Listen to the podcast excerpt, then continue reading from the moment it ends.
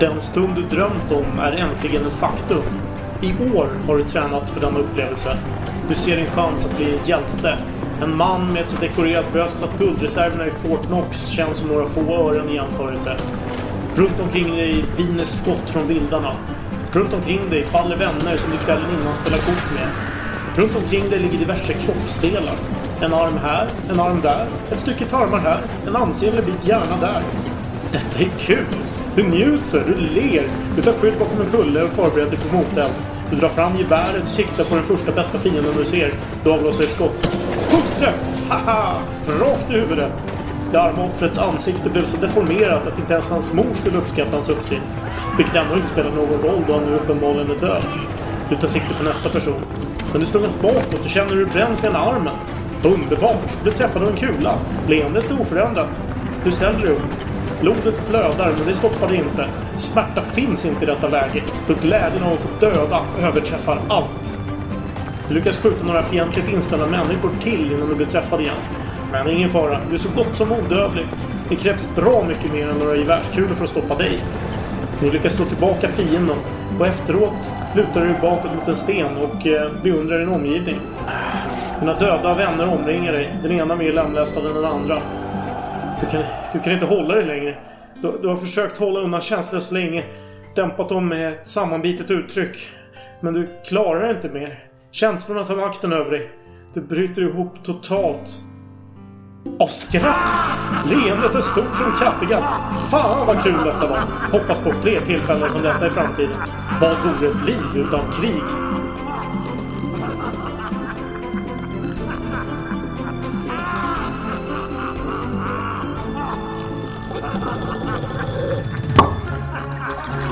Konunganamn skall vara Karl den sextonde Gustav. We shall never surrender. allen Zeiten nicht die Mehrheit. Kom inte med en sån jävla provocerande och aggressiv ton mot mig. Där har våldet triumferat. Ask not what your country can do for you. Ask what you can do for your country. Ska vi verkligen öppna en till flaska? Ja, vad fan har du att välja mellan? Skål ta mig fan! I have a dream. Ah, I see you look at your leader. And I too look to you, Paul Bauma. It's one small step for man, one giant leap for mankind. Välkommen till Salongsbrusad historia avsnitt 12. Och det är kul att se det här igen. Vi har inte setts, jo vi har setts men vi har inte spelat in på över en månad. Och jag vill faktiskt ge dig en liten pik först för du satt ju och kritiserade mitt eh, resmål innan jag åkte att det var så ooriginellt och så här. Ja det kan man tycka, Thailand är ju många varit i. Men du var i Vietnam, vilket du ansåg var mycket bättre och finare. Men jag har sett bilder från din resa. Och alltså, du är som den här charterturisten på 50-talet som åkte till Kanarieöarna så här. Va, finns det svenskt kaffe på hotellet? Du satt åt på Fat Joe's pizzeria varje dag och satt på sunkhotell. Jag däremot, jag tillhör den här Livingstone, Stanley, Richard Francis Burton, skaran. Jag slår upp nya stigar när jag är utomlands. Jag slår upp stigar i djungeln, simmar med fiskar och äter lokala maträtter och njuter av livet. Alright. Ja, jag köper. Men det hette, det hette faktiskt inte... Det hette Fat Alfredo. Okej. Eh, Same, men, same. Men, men jag provade det inhemska kaffet. Jag var på kaffeupptäcktsfärd faktiskt. Kollade upp alla. Jag blev väldigt besviken. Jag fick spotta ut kaffet två, tre gånger innan jag hittade rätt. Till slut. Så, så att visst, Vietnam är ett kaffeland men de producerar väldigt mycket skit. Ja, och jag njöt när jag var borta. Du verkar inte njuta Ja, alls. men du njuter för att det är en svensk koloni. Allting är, nej, det är för nej, fan nej. Ikea köttbullar som serveras på restauranger. Inte alls. Jag tog till mig folkets lokala seder och vanor och vandrade Du, du, djungelfärder. du säger svenskarnas vanor. långt ifrån, långt ifrån, långt ifrån. Långt ifrån. Nu när jag varit hemma ett tag så har jag börjat laga thaimat varje dag nästan känns som. Jag blir så- besatt utav grön curry. Men skitsamma. Eh, vi var vi varit väldigt kulturella denna vecka. Du och jag. Eh, Vi har ju Ja. varit, nyss var vi på en teaterföreställning. Just det. En Ja, Molière-föreställning. Tartuffe. Ja, Jag har sedan tidigare varit på Den girige. Ja. Det var en fruktansvärd... Och du hade ju Tolkning. sålt in denna till mig att det skulle vara original... Eh, De, de, de säger ju själva att det då skulle hade jag för mig att det skulle vara så kläder från 1600-talet. Det hade jag också. Det var ju inte alls det. Det var ju modernt jävligt. Men det var ganska underhållande. Det må jag var faktiskt det. säga. Men mer har ju varit sett en film om Churchill, The Darkest Hour. Mm. Vilket var väldigt trevlig film tycker jag faktiskt. Även om den tummar lite på verkligheten. Skådespelaren gav ju lite för milt intryck, tycker jag. Ja. Det är inte ja. den känsla jag har av, av eh, originalet. Men å andra sidan, vad vet jag? Jag känner inte honom. Nej, men jag kommer att tänka på, det var ett citat där i filmen som eh, jag uppskattar väldigt mycket och felaktigen så placerar de det här under 40-talet. Och det var egentligen någon nyhetsman som skrev det på 50-talet och eh, det användes även av John F Kennedy när Churchill skulle få någon hedersutnämnelse i USA där på 63 någon gång. Och det är det här att han mobiliserade språket och skickade ut det i krig. Så jag tänkte att vi ska prata om en krigisk herre. Nej, men jag skiter i det totalt. Vi byter ämne. Jag har hittat hela Jacques Neckers, alltså finansministern i eh, Frankrikes, tal till ständerna den 5 maj 1789 som är tre timmar lång som jag tänkte citera här. Jaha. Jag tänker, jag kan skita i konstpauser och bara köra det till, till, till, kanske gå ner till två och en halv timme. Vet du vad? Jag tycker det här blir ett bonusavsnitt. när du pratar i tre timmar. Näcker. Och eh, då får du ta med, låna den här eh, mikrofonen. För jag vill nog inte vara i närheten. Nej, skämt åsido. Vi ska inte hålla på och eh, snacka näcker här. Men det måste vara ett fantastiskt tal i Notre Dame han höll där. Tre timmar om finanspolitik. Eh, politik. det måste vara... Ja, jag tror det finns nog inga vittnesmål från det talet. För alla sov eller var, hade utrymt Ja, lokalen. jo, så, så kan det vara. Men i alla fall, vi har en lek här som jag tänkte introducera. Vi kallar den för En ska bort. Det är så här att jag, ja, en, jag, till exempel, jag ger dig eh, fyra namn. Mhm. Och du ska säga vem som inte hör hemma i det här sällskapet. Ja. Och om du gissar rätt så får du fem poäng. Om du gissar rätt med rätt motivering, det vill säga den motivering som jag har tänkt ut, då Ja. får du 10 poäng. Så nu ska vi börja. Jag har gjort Okej. en liten lapp här som du ska få så du kan kontrollera att jag inte fuskar. Jaha, hur ska jag kontrollera genom att För om, om du säger ett svar och jag säger nej det var fel motivering. Ja. Du ska, Jaha. så ska du se att jag inte har ändrat motivering. Så det här är motiveringen eller? Ja, det är, Okej. det är svar på motivering. Jag har förstått. Eh, Okej, det är fyra personer jag ska nämna här. Mhm. Christer Pettersson. Dräparen. Ja. Sen har vi Det är inte Christer Petersson, mordutredaren, som Nej. leder eh, Palmeutredningen just nu. Nej, nej, det är den döda. Eh, Ferdinand Foch. Mhm. Charles Lindberg. Ja, ja, Känd- visst. Jo, känd ja, för att Sen, han- Känd flygare och att hans barn eh, Ja. kidnappades. Och, Första mars eh, 1932 där. Ja. Sen har vi Christian Tyrann. Oj, Christian den Christian andre, Ja. danska mardrömsmannen. ja, en ska bort. Nu ska vi se. Christer Pettersson, våldsverkare, alkoholist. Um, Foch, en uh, cigarrökare. Uh, också Pip. militär eller krig... eh. Piprökare vill jag... Ja, men han rökte Jo, cigarrer. men sen blir han mest känd för sin Ja, pipa. han övergick pipa förmodligen genom sponsoravtal. Ja, Eh, ja, historien förtäljer inte detaljerna. nej. Vad hade vi mer? Vi hade Och Christian Tyrann. Christer Pettersson. Var det bara tre namn? Ska vi- Fyra. Ja, men vänta nu. Ta dem igen. Christer Pettersson, Ja. Foch, Ja. Charles Lindberg Ja. och Christian Tyrann. Ah, just det. Ja, för Christer och Ki- Ja, Christian ja. var nästan samma. Okej. eh, ja, det låter ju som väldigt många våldsamma män. Tänker jag. Ja. Eh, utom Lindberg då. Men det blir ju... Fast visst, han är ju känd för en våldsam... Eh, våldsdåd skulle jag säga. Våldsdåd, ja. Och det är ju Christer Pettersson också känd för. ja. Våldsdåd. Eh, Christian också känns... Ja, Christian Tyrann såklart för Stockholms blodbad. Ja, jag skulle säga att det är Fox som ska bort. Fel, fel, fel. Det är ju Christian Tyrann som ska bort. Detta är ju självklart. Charles Lindberg, flygare. Spirit of St. Louis. Ja. Eh, vi har Foch, sa att flygplan var onödigt i krig. Ja, alla andra saker. ska komma dragandes med den där? Ja, ja, jo. Eh, vilka mer sa jag? Eh, du sa den andre.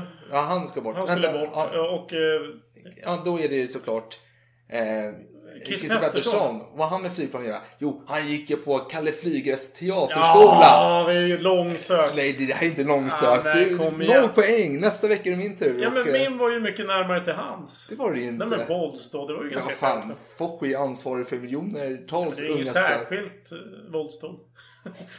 Det är ju inte en ögonblicklig... eh, Inte specificerat. Okej, okej. Ja, men jag, jag uppskattar um, detaljerna. Ja, det var- jag. det ser jag. Ja, ja.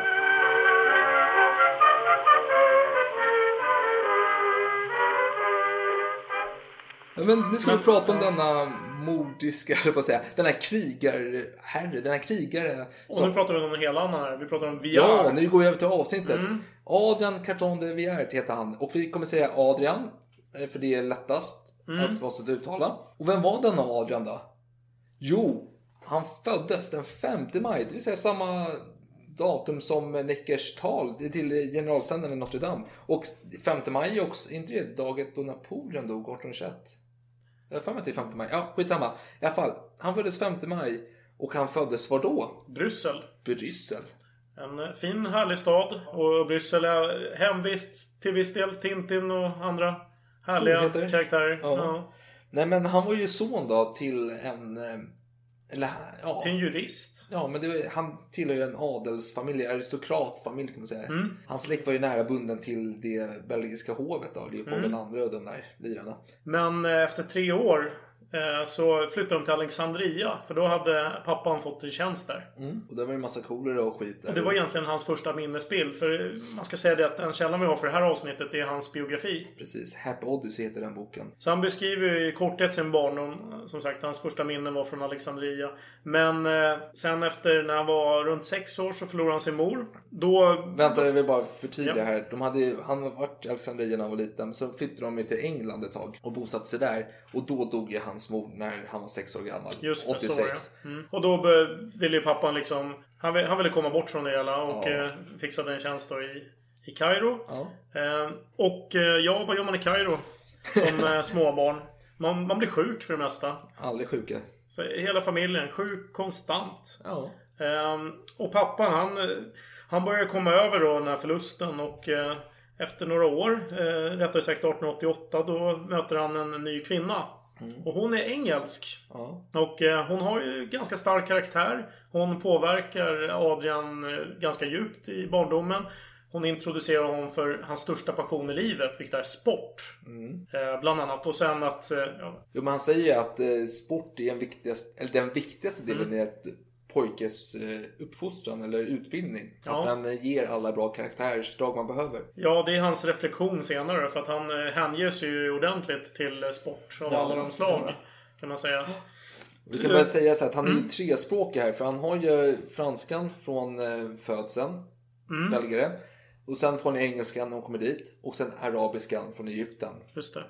Och eh, under den här tiden som han är i eh, Kairo så eh, har han en åsna som han rider på. Eh, och som till slut blir uppgraderad till en ponny. Och eh, nu i samband med den här nya kvinnan som hans pappa har träffat så blir han introducerad till eh, polo. Ja. Vilket är en... Oh, vilken ögonöppnare för unge Adrian. Gud Det är vad roligt. Jätteroligt tycker han. Ja, ja absolut. Det förstår man ju. Nej, men eh, ja, man tröttnar väl efter ett tag. Så till slut så åker de tillbaka till England. Birmingham 1891. Ja. Eh, hur beskriver Adrian eh, detta då? Jo, han säger så här. Det är dålig mat, det är strikt disciplin. Och eh, det är även mobbning i den här skolan. För han är, han är lite udda fågel. Han har ju varit runt i världen. Han kanske inte har den per perfekta dialekten från början. Nej, han har ju fransk accent, på sin ja, engelska. Ja, och säkert engelsk accent på sin franska. Ja, jo, absolut. Så är det. Han hör inte hemma någonstans. Nej. Och han har ju varit många somrar i Belgien. I, Mm. Där han träffat sina kusiner så där så han uppskattar ju det men jag, jag kan tänka mig, spekulera nu, men han känner sig inte hemma riktigt någonstans. Nej, och, och han beskriver det att i skolan så är det bara generellt så är det lite småmobbning eh, och så. Ja. Men han finner sig i det här ganska snabbt ändå för att han, han har en, just det här sportlusten. Ja. Gör att han växer i de flesta barnens ögon. Att han, eh, han visar att han är jäkligt duktig på sport. Det gör att de glömmer bort att han är lite udda. Eh, Så att han blir kapten i cricket och fotbollslagen på skolan. Och han vann turneringar i tennis och biljard. Och till slut så börjar han ju bli liksom som en stor fisk i ett litet akvarium. Liksom. Bara, Det finns ju inget mer att slå här. Jag har ju liksom, jag har vunnit över allt. Jag, fan, jag, jag måste ju söka nya stora utmaningar. Ja. Nej men sen eh, 87, nej nej, förlåt 97. 97, 97 Mm. menar jag, förlåt. Han är 17 år. Då blir han skickad till eh, Oxford. Oxford där ska gå i en liten eh, juristlinje, vad man ska kalla det för. Jo, men han, han går i sin fars fotspår. Ja. Efter, med hans goda vilja och hans pappa. Och eh, det gick ju såklart, eller såklart ska jag inte säga, men det gick dåligt i skolan. Men det gick jättebra i idrottslivet. Han var ju riktigt duktig på cricket. Men när han skulle examineras då misslyckades han totalt. Ja. Så, så vad gör man då? När man misslyckas totalt med Ja. juristlinjen? Men man lyckas ju totalt med sporten. Ja, man måste ju göra det man är bra på. Och Ja. i hans fall så är det just fysisk eh, aktivitet. Jo, men han har ju en inre vilja vi inte får glömma att berätta om här. Så Han tänker, hans eh, blod eh, pulserar kraftfullt när han tänker på att han ska gå ut och döda folk och skjuta Oj, folk. oj. Han, han vill vara en krigare. Det är hans stora dröm. Och, och till hans stora glädje, 1899, du kommer i andra... Boerkriget. Ja, perfekt, vilken timing. Han är redo och klar. Han vill ut och slåss. Och han, alltså, I ärlighetens namn. Det spelar ingen roll om han slåss för britterna eller för boerna egentligen. Nej, han Om- om- skiter om- ju, eh, nej. fullständigt Han vill bara ut och kriga. Så att om, om britterna inte vill ha honom, då, då, då kan fan... Då kan boerna få honom. Ja. Det var så han tänkte. Alltså, han, han vill bara ut och kriga. Ja, han insåg att det var inte det som är ärofyllt kanske. För just bilden, så typiska bilden av en ärofylld krigare är att man slåss för sitt land och sin heder. Så. Mm. Jo. Men han, nej. Han har lite delad lojalitet. Han Ja. är ändå i flera länder och sådär som man... Ja, men han, vill, han känner att det här skjuta folk är det han är bra på. Mm. Lite dilemma bara. Ehm, han fick troligen inte slåss för sin pappa. För pappan hade ju planer på att han skulle bli jurist och så vidare. Och sen var det ju lite ett annat problem. Han var ju fortfarande han var ju av utländsk härkomst. Han var ju Ja. från Belgien. Ja. Men fan, det här går ju att lösa. För på den där tiden då hade man ju inte DNA-tester och så mycket kontroller kanske. Nej. Eh, utan, nej, det var ju så enkelt så att han eh, förfalskade sitt namn, sin ålder och eh, nationalitet. Och inte bara det. Han hade ju en kompis som också ville eh, slåss. Men eh, den kompisen var närsynt och sådär. Så då, då kom han tillbaka och eh, förfalskade att han var den andra killen. Och passerade, gick igenom den där kontrollen också. Så båda fick åka ut i krig. Ja, och nu... Alltså, folk brydde sig inte så mycket på den tiden. Man vill bara ha ungt, friskt blod som kan strida för en sak. Och eh, tal om att strida för en sak. Jag strider för att vi ska ha lite mer vin, för mitt glas är tomt. Ja, mycket bra idé. Så nu åker i alla Jag fall... tänker inte bestrida det. Nu åker i alla fall vår Adrian iväg till Sydafrika. Och vi ska ha lite... Vi ska till Sydafrika och hämta vin. Ja. Eller till Sydafrika. Kul. Ja. Underbart, älskar Frankrike.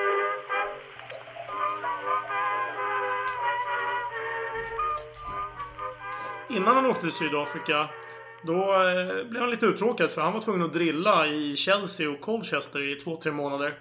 Och det här var ju inte riktigt det han hade tänkt sig. Aj, aj. Han ville ha det hårt och jävligt men liksom gärna rätt stämning för det. Inte i någon så här tråkig, liksom, tråkig stad. Jag bara misstänker det som saknas i eh, blodet, folk som lider, folk som dör. Så kan det vara. Ja, precis. Sk- folk som skriker och smärta och liknande. Det gjorde man kanske inte här.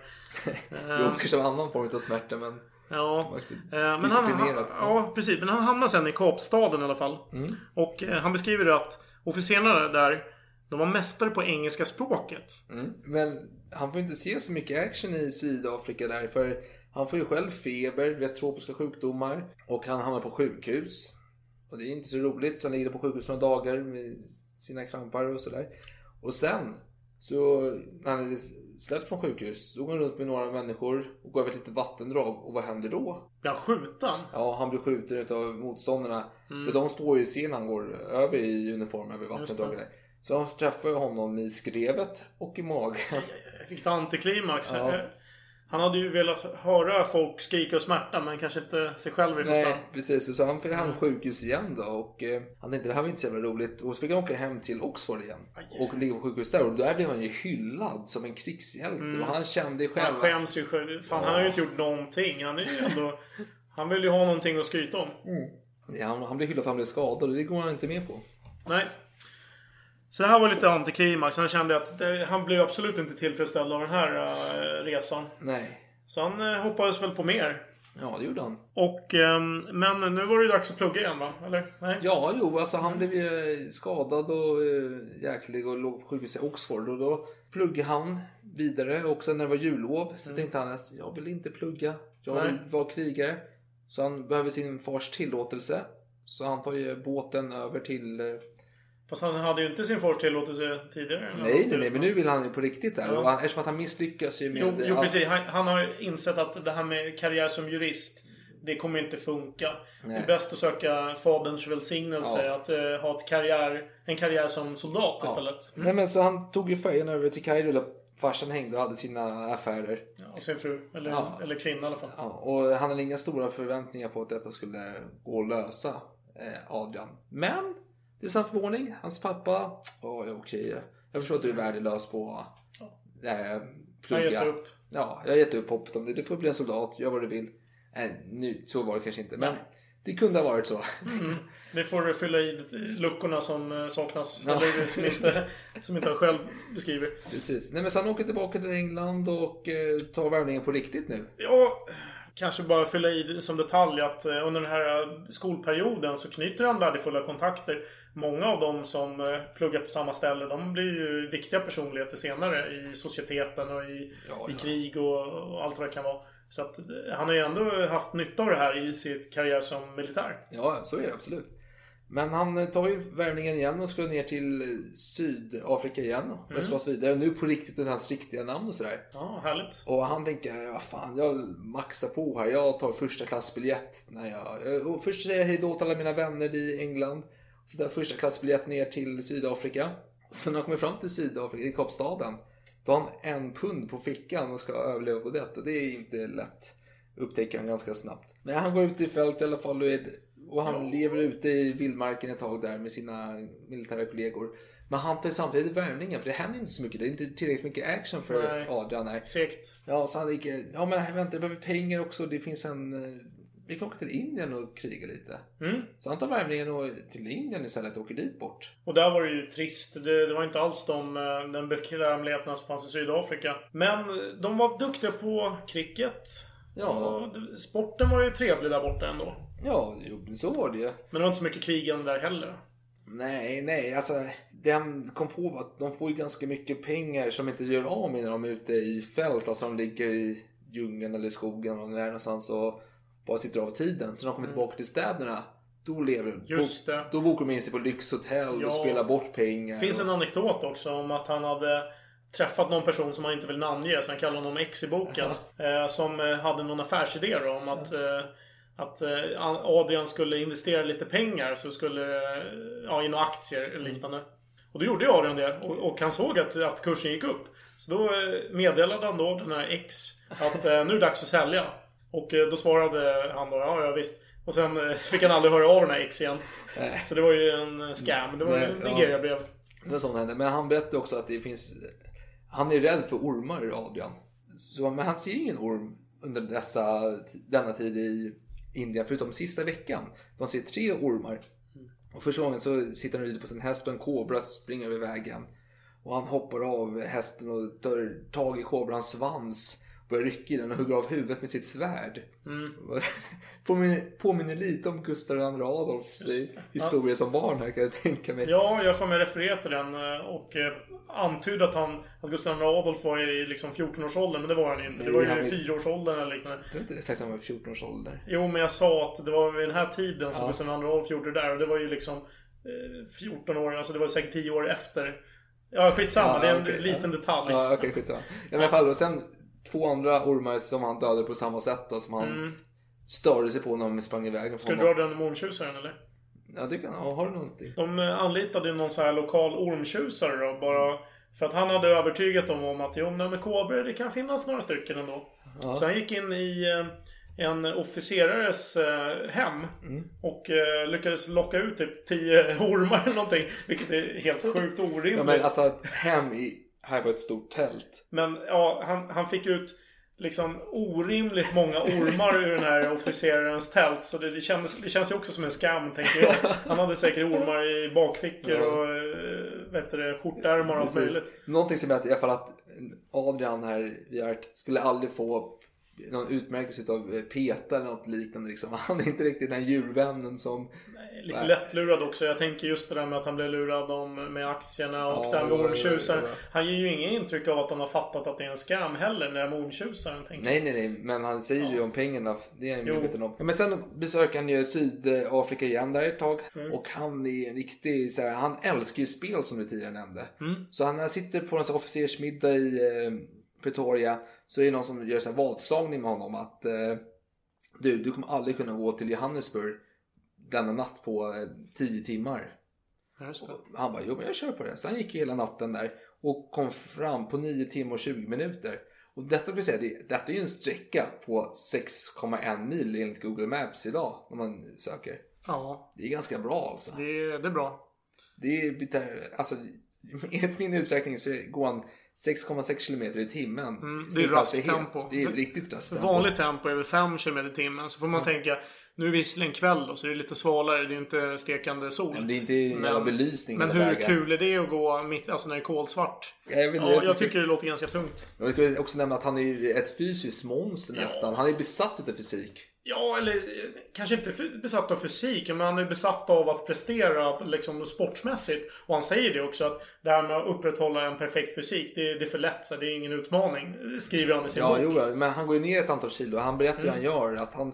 Men vänta nu, nu tänker du dra anekdoten om eh, hästkapplöpningen eller? Nej, Nej, okej. jag tänker ta att han, det är Ja. så, han är ju i Egypten där och håller på Mm. och hänger. Så, är han ska med någon tävling, han måste gå ner några kilo i vikt inför den här tävlingen. Det ska ske på några dagar. Ja, men det är den. Det är den, ja. Ja. förlåt, ja. Men då...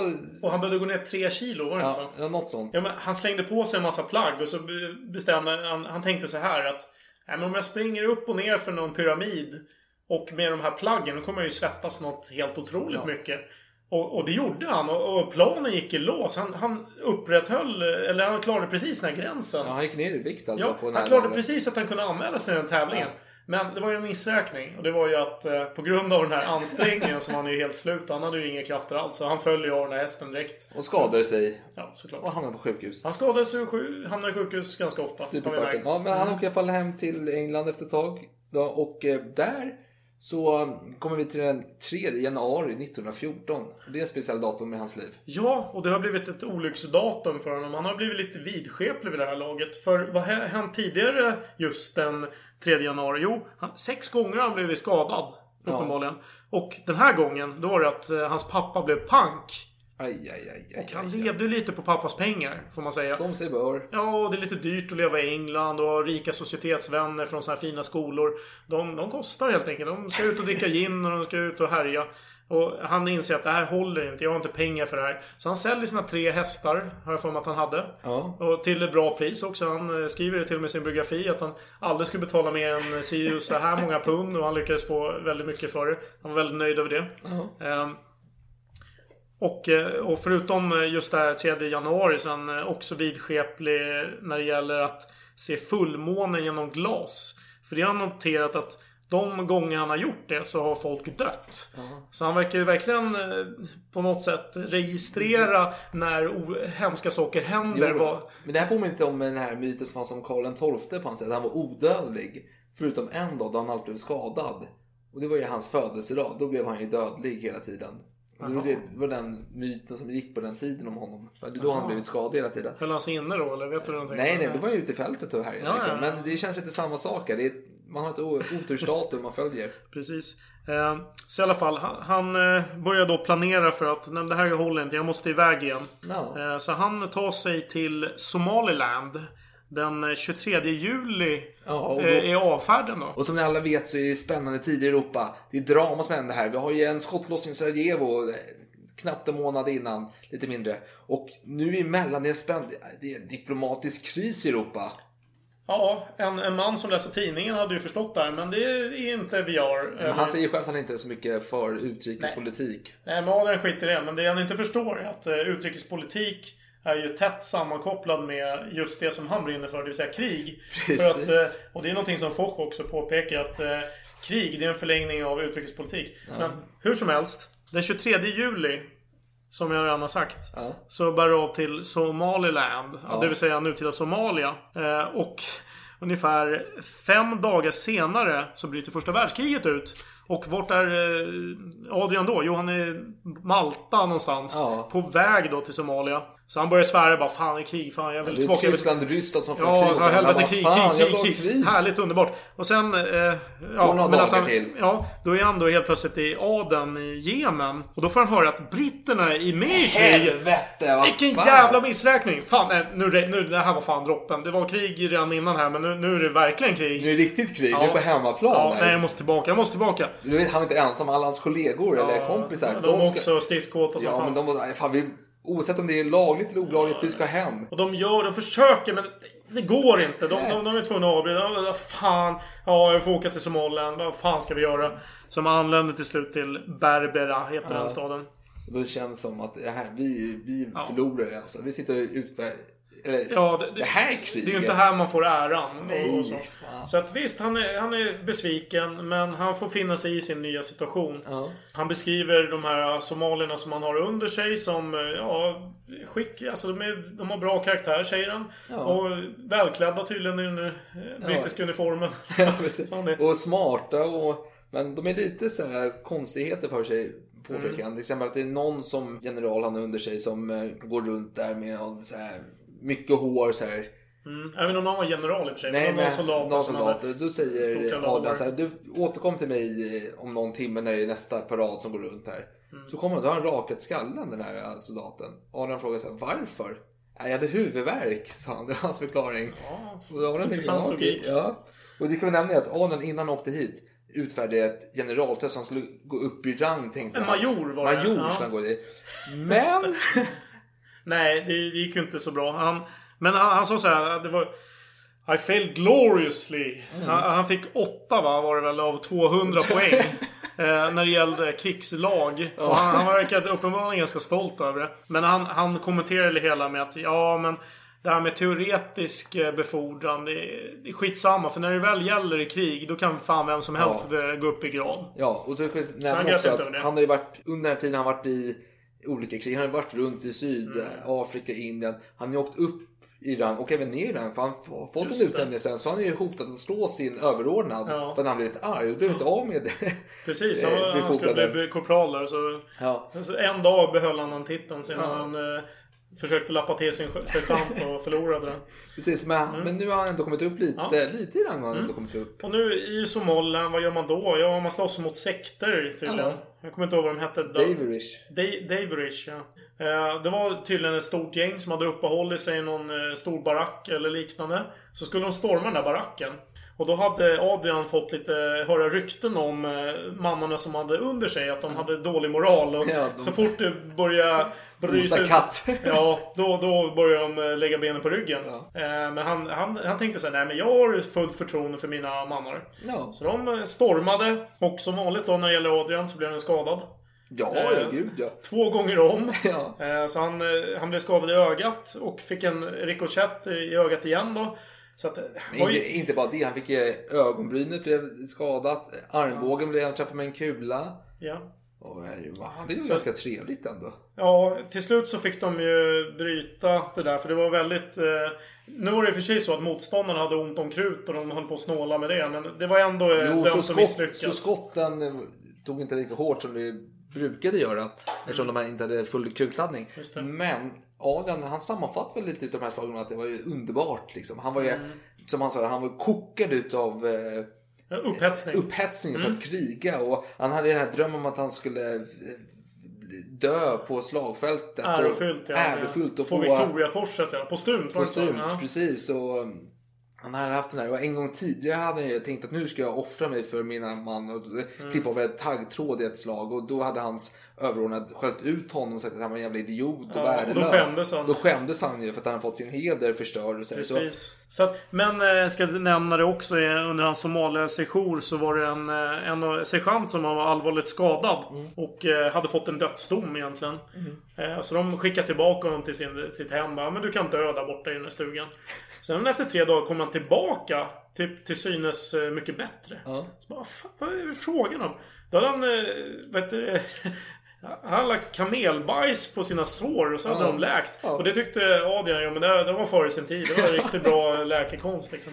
så man skulle låta såret vara i sin Ja. naturliga miljö. Och jag, jag kan ge honom rätt om vi jämför nu med vad vi har förklarat i pestavsnitt och så vidare med åderlåtningar. så så att det, det är ju ändå På så sätt var det eh, korrekt. Var det Mm. Adam blir eh, sårat kraftigt i ögat där och han måste uppsöka läkare som åka på kamelryggen några timmar till någon liten läkare som kollar ögat. Ja, men jag kan ingenting säger han Mm. Nej. och så skickar vi honom Han till var Kairo. Nej, så han skickar honom till Kairo. Där finns en riktig läkare, ögondoktor. Mm. Och ögonläkaren tittar på ögat och säger Han säger att nej, det här... Vi måste ta bort ögat. No, Peppe. Och då börjar Adrian bara, vad i helvete, vänta nu. Jag vill ju tillbaka för att kunna kriga. Nu när Storbritannien är med i krig, stora kriget, Ja. första världskriget. Så, och tar de bort mitt öga, då minskar ju risken, eller chansen, chansen betydligt att jag ska lyckas. Så han bara, nej men jag tar ett andra utlåt, jag åker till England. Jag, det skiter det Så han här. sitter och åker med ett Och lider fruktansvärt. förstört öga som är helt infekterat och jävligt. Ja. Åka en båt, en guppande jäkla fraktbåt åtta dagar tillbaka till England. Och där hamnar han på sjukhus. Japp, Och de säger... de säger ögat ska bort. Han Och bara, ja. han bara, vad fan? Och så till slut så här, vad fan jag har inget val. Så här, antingen kommer jag ju typ dö i plågor här i, eller så får de väl ta bort det här ögat så får jag väl göra mitt bästa. Ja. Så han, han, han väljer att operera ögat. Och de hittar ju någon metallbit bakom ögat. eftersom det- Ja, det var någon från någon skott då som hade gått igenom. Men han har ju såklart inte upp utan han försöker ändå ta värvning. Fan det är ju krig. Ja, och läkaren blir helt förvånad. Bara, vad fan vill du ta värvning för?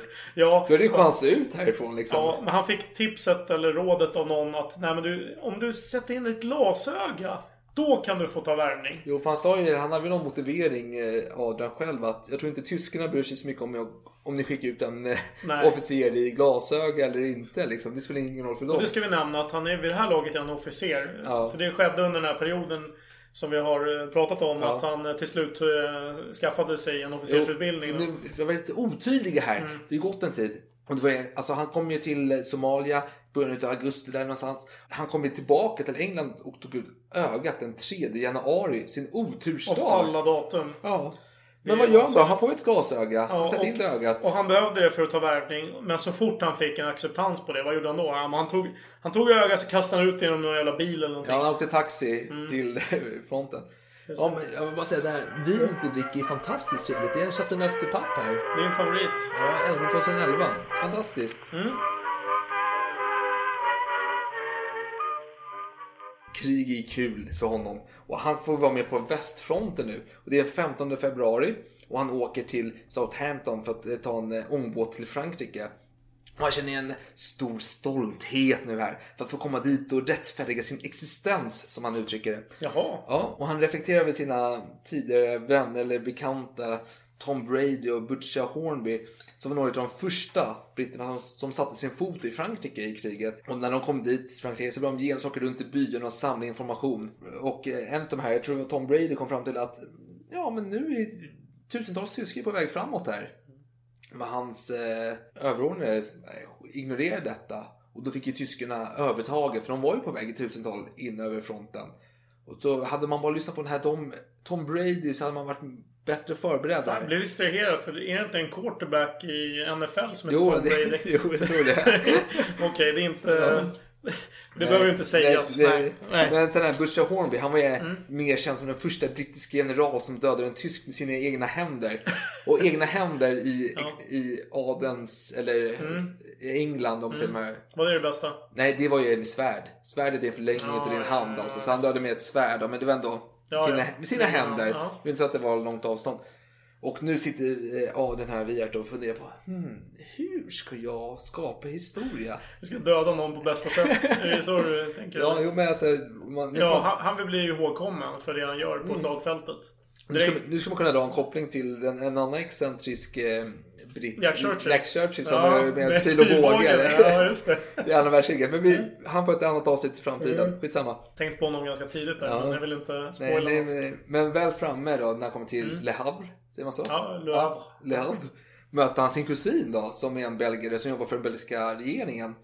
Men det är kul att träffa kusiner, det tycker vi alla kanske ibland, någon gång. Någon gång. Men han skiter i kusinen, han bara säger hej och så drar han vidare till fronten. Han vill ut till fronten här. Vid fronten träffar han sina gamla kamrater som från skoltiden. Mm. Och han beklagar sig att han inte gick i en större skola så han hade fler kamrater från skoltiden. Han hade bara ett hundratal. Nej, han klagar lite på det i början där, en skolperiod. Att det Ja. var lite för liten skola. Och eh, kamrat- kamraterna berättar om alla slag han varit med om och alla blod som har utgjutits och allting. Och vi kände att hans insats i Somalia var inte så jävla mycket att komma med.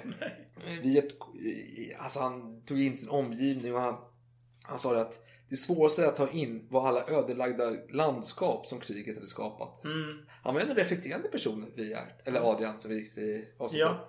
Alltså han, han tänkte mycket på sin omgivning. Ja, men det, det kan ju inte vara så roligt för det var ju så otroligt mycket artilleri som förstörde landskapet. Det fanns ju inga växter kvar. Det var ju bara kratrar. Det var ju som månen. Men han, tyskarna, de vet som ni vet från Foch-avsnitten 4, eh, 6 och 7. Lyssna på dem om ni vill veta mer. Ja, gör så, det. Snälla. Så, så var tyskarna så var tyskarna väldigt aggressiva i början. De tog i mark och de var ju hårt på det här. Men han ansåg ändå att eh, britterna, de hade två S i rockarmen. Och här går han lite i Fox fotspår från Foch när han var i Cambridge. Eh, innan, efter Agadekrisen, eller under Agadekrisen. För vad hade britterna? Ett, Deras kämpaglöd och moral. Britterna är bäst när de håller på att förlora, ansåg eh, Adrian. då. Och nummer två, humorn. Och detta går ju helt i linje med Fox. Att de, Det kan jag tänka mig, ja, verkligen. att de bara, Sitter och dricker te och har lustigheter för sig. Det tror jag. Nej, men alltså, och det är som Fox säger, humorn är underbart. Britterna har ju den här äh, råa svarta humorn. De kan skämta om allting. och De är bäst när de är i underläge. Det har är historien bevisat. Det är Monty Python-humor hela vägen här. Och detta kommer ju ändå framtiden bevisa också. Det här är ändå 1915. Tänk dig då 1940 i maj. När tyskarna kommer där och Dunkirk och all hela helvetet brakar Ja, löst. Ja, men i alla fall. Och vad har då... Du kanske undrar vad Adrian Wiart har för syn på de franska soldaterna? Fantastiska. Jo men alltså han säger de är väldigt duktiga. Ja. Men det är en ras av indi- individualister och är mottagliga för disciplin eller flockbeteende. Konstnärer. Det är, de är bohemiska konstnärer. De, de skjuter vackert. Det lämpar sig inte i krig tycker vi i alla fall. Men de är duktiga men de är som sagt inte en grupp. Ja, ja, ja, ja. Men han hyllar Fox men det Ja men. Wiart ville ändå till fronten, fronten, fronten. Alltså han har varit lite bakom fronten men ändå i Nej, fronten. Men han ville han ut till yttersta området där folk aldrig besökte. Ja, men, Så han åker upp med en vän det till... där var tjuvnyp. Han åker i alla fall upp med en vän till eh, Ypres. Ypern. Yp, ja, Ypern ja. Ypern. Svenska. Mm. Ypern. Och där åt han en fantastisk lunch på restaurang berättade han. Klart. Eh, och sen besökte han eh, högkvarteret. Jag undrar hur många vanliga soldater som fick besöka den- denna gudomliga restaurang i fronten. Ja, ja, skitsamma. och sen de... Eh, han berättade att det började bombas friskt. Och de, det var ju senapsgasen i hög fart där och de fick ju bomullspads mot det då. Men gasen, nej det påverkar inte alls eh, Adrian. Men bombningen var väldigt jobbigt för honom. Eller det påverkade honom i alla fall. Och han stod bredvid sin närmsta man och frågade vad det skulle göra. Då sa hans närmsta man, men ducka! Äh! Sen såg en bomb ner i närheten och han flög omkull då, Adrian. Oj. Ja. Och han reser sig upp och säger till sina män att anfalla. Och då skulle börja röra sig framåt, för nu är han alltså i fronten, fronten. Nu har han ändå befäl till sitt folk här. Och de ska röra sig framåt, då ser han, eh, fan, jag ser en hand där på fältet som ser väldigt bekant ut. Den har precis en sån här läderhandske på sig. Vänta, det är precis så som du har min... Jaha, det var din hand. Jaha, det var hans betjänst hand som hade blivit Oj, oj, oj. Han, bombad och han var ju... han tog sig tid att beskriva handen. Men vänta nu, jag känner igen den här handen. Det är bäst att stanna till här och titta på den här handen. Och funderar över hur den ser ut. Jag bara, jo men det är din hand. Vänta, det här låter inte som att den är främsta. Jo, sätt och vis. jo men sen så var det ändå att eh, hans betjänt, hans närmsta man då, eller betjänt vad kallar det för, låg där några meter längre bort helt sönderbombad och splittrad. Så han skulle precis fälla en dråpande kommentar. Så tittade han och bara, fan han är död. Ja, ja. Ja. Det var wrong moment. Ja, precis. men sen gick det, men det, anfallet gick som det gick och de slickade sina sår då i fältet. Och sen samma kväll fick de höra att nu ska ni få order, nu ska ni avlösa ett infanteri vid fronten, alltså en bit in. Och det skulle gå en väg. Och då fick de order att på den här vägen kommer ni möta några andra för infanteriet och de ska guida er till det rätta stället. Och de gick den här vägen men de mötte aldrig någon. Det var lite öde så här. Eh, och så bara såg han lite så här, tyska kroppar ligga här på marken. Han bara, jaha, jaha, men vänta, lite kyligt. Oh, lite kallt här. Så, men vänta du lilla tysk, du har en sjal runt kroppen. Men den tar jag. Och sen började jag tänka, men vänta, varför är det så många tyskar här för? De har ju inte brutit igenom våra linjer. Kan det vara så vi har gått lite för långt, tänker han. Och precis då har han, HALT! Han bara, "Ah, fan! Så han upp sin pistol, lokaliserar tyskjäveln. Och precis när han letar efter honom så känner han hur det bara svider till. Och han faller till marken och hans hand var bara en stor jäkla röra alltså. Och han, han ställde sig upp och blev beskjuten men lyckades ta sig tillbaka. Och sen när han kom tillbaka så bara mötte han en gammal, en som han gick med på vägen. Men den personen trodde att han var tysk. Så han sköt mot eh, Adrian. Så Adrian tog skjuta igen. Så här, vad fan! Så, här, så han hade ju tagit, så här, hans hand blöder. Så han tänkte, den jävla scarfen jag tog från tyska döda soldaten. Den Mm. är perfekt för att eh, linda runt såret. Liksom, så här. Så han är likplundrare. Ja, han är lite... Det är okej. Det låter lite grovt men... Ja. Eller hur? Visst är det? Ja, precis. Men sen kom han tillbaka till, och eh, den här mannen som har skjutit mot honom sprang tillbaka till deras läger då. Och varnade nu tysken är på väg, tysken kommer. Mm. Fast det är bara Adrian Ja, så kommer Adrian där, så börjar de alla beskjuta honom och han Nej. ropar så Vad fan, skärp er! Det är jag, Adrian Hjärt! Och de bara, åh fan det är Adrian! Så de kände igen hans röst och tog hand om honom. Mm. Och hans hand, den var ju sårad, han blivit skjuten där. Det var två fingrar hängde löst, flatan, handflatan var ju nästan helt borta. Likaså handleden.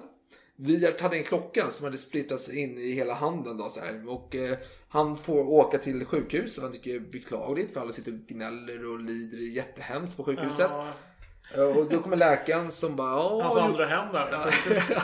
Läkaren bara, ja jo, eh, vi, vi kan försöka detta. Och vi bara, nej skit där, ta bort mina fingrar. Läkaren bara, aldrig, vi ska sitta och sy ihop de här skiten. Jaha. Det, Ja, men- Så brukar det inte låta. Jag Nej, får men- känslan av att det är tvärtom. Ja men så vi bara, nej skit gör det själv. Så han bet bort sina fingrar som hängde löst själv. Oj! Ja. Och han kommenterade det som att jag kände ingen smärta överhuvudtaget i att göra det. Jag ska berätta en anekdot där lite kort bara. Ja. Min farfar han var ju med i andra världskriget. Och eh, han fick ju någon sp- granatsplitter i sin hand. Mm. Och då hade ju fältskäraren sagt så här, men vi vill ta bort hela handen eller vad fan det var. Han vägrade, han sprang ifrån och det gick ju bra, det läkte sig. Så att, Ja. gå inte på den där jävla missen att eh, acceptera, eh, vet du det, Läkarens råd. Nej, amputation. Men det här var ju tvärtom. Det var det som slog Ja, mig. ja, varför, varför vill de lägga ner tid på att sy ihop någons fingrar? Eh, det har de inte tid för. Det är ju för fan fullt krig. De, de måste prioritera andra saker. Ja, jag, jag ifrågasätter den detaljen. Jo men han, han, tar, han tar beslutet själv och biter bort sina fingrar. Ja, men det här låter falskt i mina öron.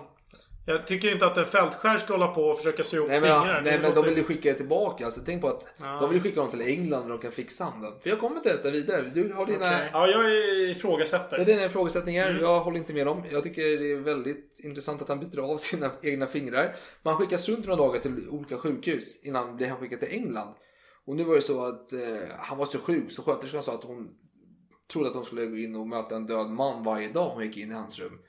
Men han över- överlevde i alla fall. Och 1915, alltså resten av tiden utav året, gick vidare på att kirurger skulle fixa och rädda det som hans far utav hans hand, mer eller mindre. Och eh, nu fick jag även höra att hans far hade dött i Kairo. Så nu var han ju upprörd över detta också, det var skitjobbigt. Nej, men i december under året fick han nog, han bara, men skär av min jävla hand nu. Och så fick han ju bedövning, gasbedövning. Och det kändes som att ut en tand var hans, alltså han likställde att bli av med handen som att bli av med sin tand. Okej. Eh, Jag har inte blivit av med någon tand. Kan nej. du beskriva? Har du... Jag, jag gjorde en, eh, jag skulle dra ut för några år sedan eh, en, eh, vet du det? Eh, Biståndstand? Nej? Ja, precis. Och det tog två och en halv timme. Min tandläkare fick byta tröja för han blev så svettig efter halva Men tiden. hur kändes det för dig? Det var hemskt alltså. Vilken jävla smärta var dag. Gick och jobbade dagen efteråt. Och det är hemskt vad jag gjort i mitt liv. Ja, men i alla fall. En timme efter att eh, hans eh, hand hade blivit borttuggen eller ja, amputerad. Så satt han upp på ett eh, mat. Det hade jag inte gjort på hela den här tiden. De hade försökt laga hans hand och sy, ihop allting. Eh, Tröstäter. Ja, och då så här, fick han besök plötsligt utav Tom Bridge, en gammal klassiker i hans ögon. Då. Och han blev erbjuden ett nytt jobb inom 19 armén. Och tre veckor senare så var han tillbaka i Frankrike. Krig, eller tid läker alla sår. Och så även kriget.